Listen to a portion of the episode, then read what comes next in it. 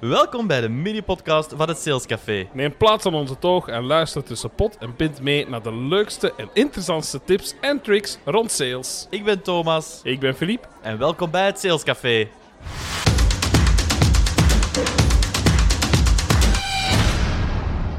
Dag allemaal en welkom bij een nieuwe aflevering van het Sales Café. Dag Thomas, welkom op mijn broeierige zolder wederom. Hey Filip, het is hier inderdaad warm, dat kunnen we niet Het is ontkennen. hier warm, we hebben de ventilator aan onze zijde, dus als jullie af en toe een zoom horen, dan weten jullie gelijk ook waar dat vandaan komt. Voilà, inderdaad. Eh Filip, en we hebben deze keer ook iets te vieren, hè? Absoluut. Weer al. Weer al. Deze maand is het idee van onze podcast exact één jaar oud. Yes! Mooi, proficiat Thomas. Ja, proficiat jij ook, Filip. En ondertussen zitten we al aan de... 2000 luisteraars, Ja. dus eh, dat is heel mooi. Daar zijn En wij ontzettend blij mee, hè? Super blij mee. Daar willen we jullie als luisteraar natuurlijk ook heel graag voor bedanken.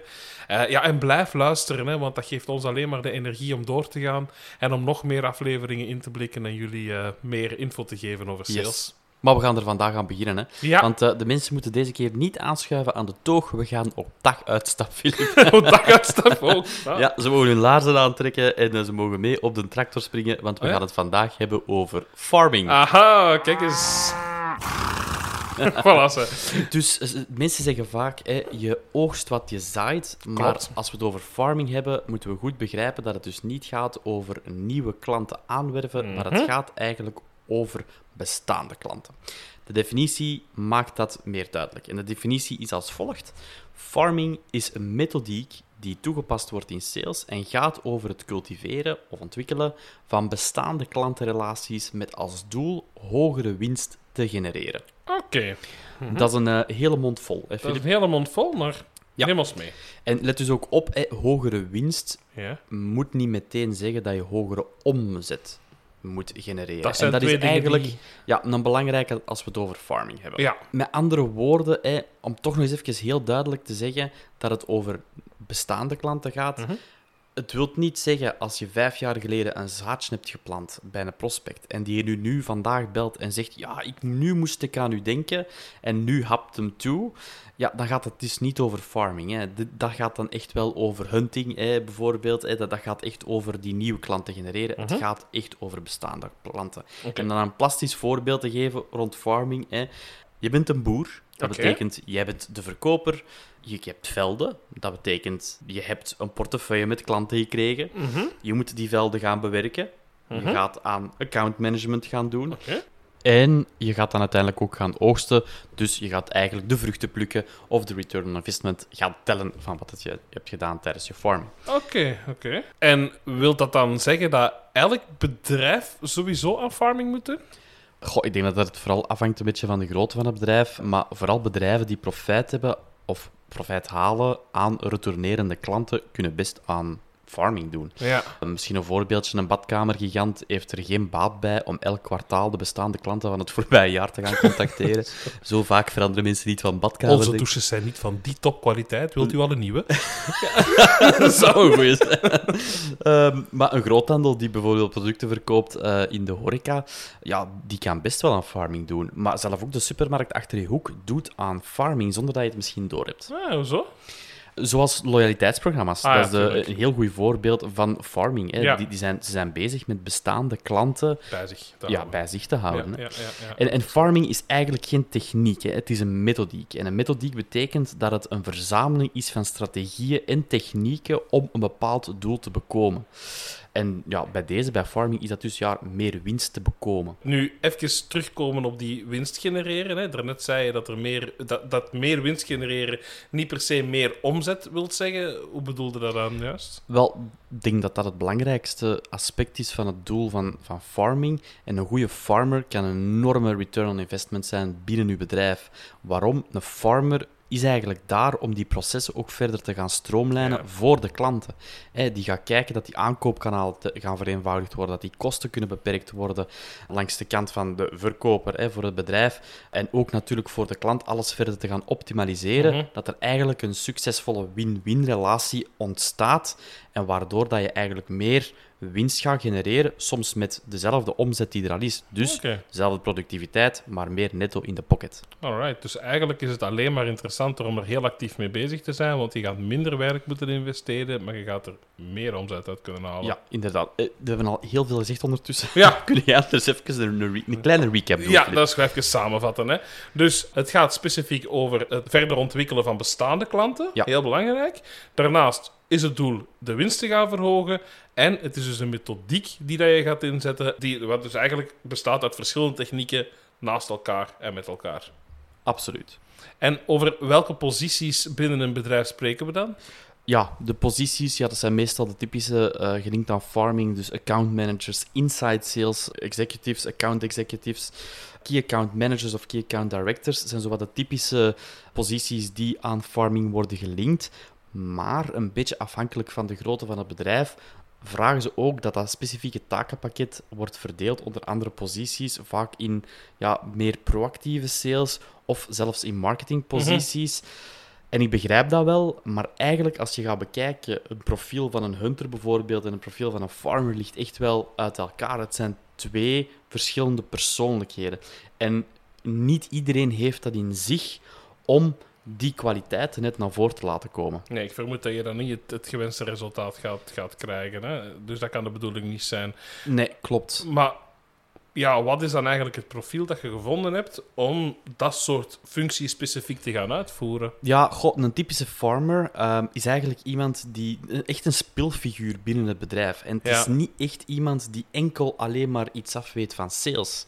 Het moet echt iemand zijn die het bedrijf begrijpt, die de processen kan doorzien, de supply chain begrijpt en suggesties kan geven om bepaalde processen te stroomlijnen, Ja. net om die ROI, die winst, naar boven te gaan halen.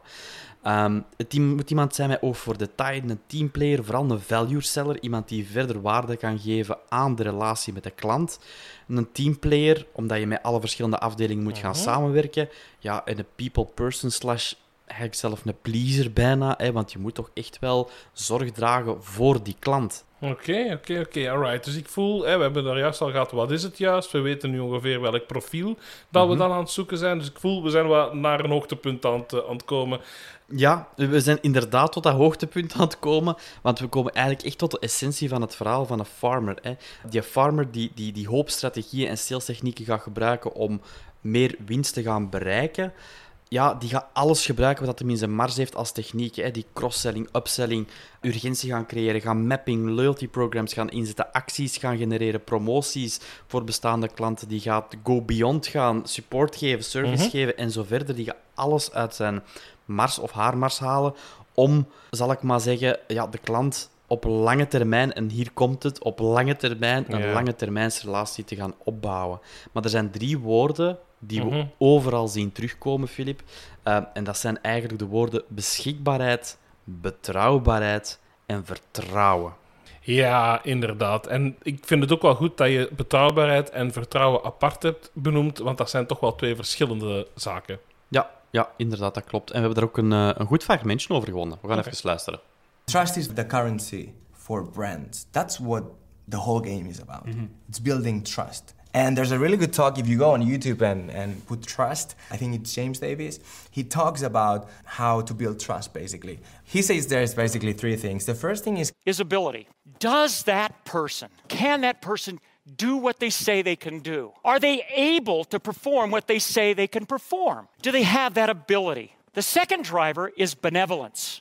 Do they care about me? so now we have these two things that have to happen. And the third one is Integrity is having a set of values that other people agree with. You live by those values, and other people agree with those values.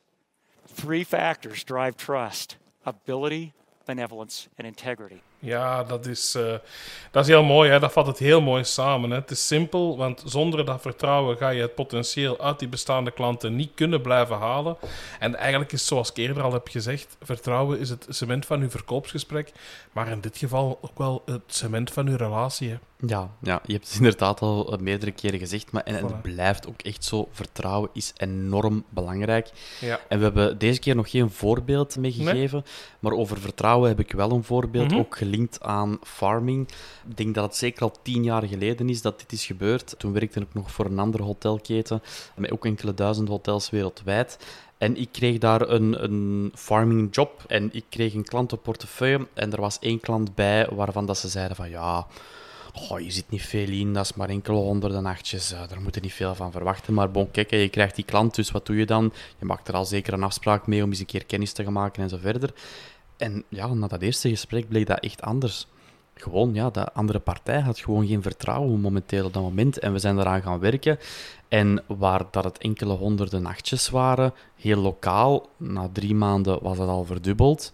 Na zes maanden was dat eigenlijk een nationaal account geworden. En na één jaar was dat een global account geworden met meer dan 10.000 nachten wereldwijd. Dus om maar gewoon mee te geven, ja, die vertrouwen is echt, echt, echt wel enorm belangrijk Ja. om ja, gewoon iets van een lange termijnsrelatie te kunnen uitbouwen. En dat fragment geeft heel goed weer hoe dat je vertrouwen opbouwt. Maar dat is ook nog een totale andere techniek. Dat zal voor een andere keer zijn, Ja, natuurlijk. Nee, maar, maar heel duidelijk denk ik wat je wil, eh, wil zeggen. Heel impressionant ook. En eh, dat je dat die hier toch hebt kunnen keren. En dat je ziet, hè, kan je het keren, kan je het terug in de juiste richting doen draaien, is alles toch mogelijk. Hè? En als salespersoon, daar haal je enorm veel voldoening uit. Hè. Absoluut. Alright, we gaan eindigen met een quote, Filip. Oké, welke heb je deze keer meegebracht? Het gaat over farming, hè, dus het Ja. blijft eh, in, in de boerenwereld. eh, dus eh, Top. inside every seed is the potential for an incredible harvest. Wauw, mooi. Super deluxe. En Thomas, super bedankt om dit allemaal uit elkaar eh, te zetten voor de mensen, voor de luisteraars. En laat ons zeggen, mensen, ga zelf die zaadjes planten. Ga ervoor zorgen dat je zelf gaat farmen. Je gaat er veel meer winst uit halen. En het gaat jouw succes voor jouw organisatie verder bepalen. Top. En voor nu willen we jullie nogmaals bedanken voor het trouw luisteren naar onze podcast. Vertel het verder aan iedereen die het wilt weten, want er zijn altijd mensen die graag nog iets bijleren over sales. Volg ons via Instagram, volg ons via Spotify, geef ons een like en tot de volgende keer. Tot de volgende. Bye bye. Bye bye.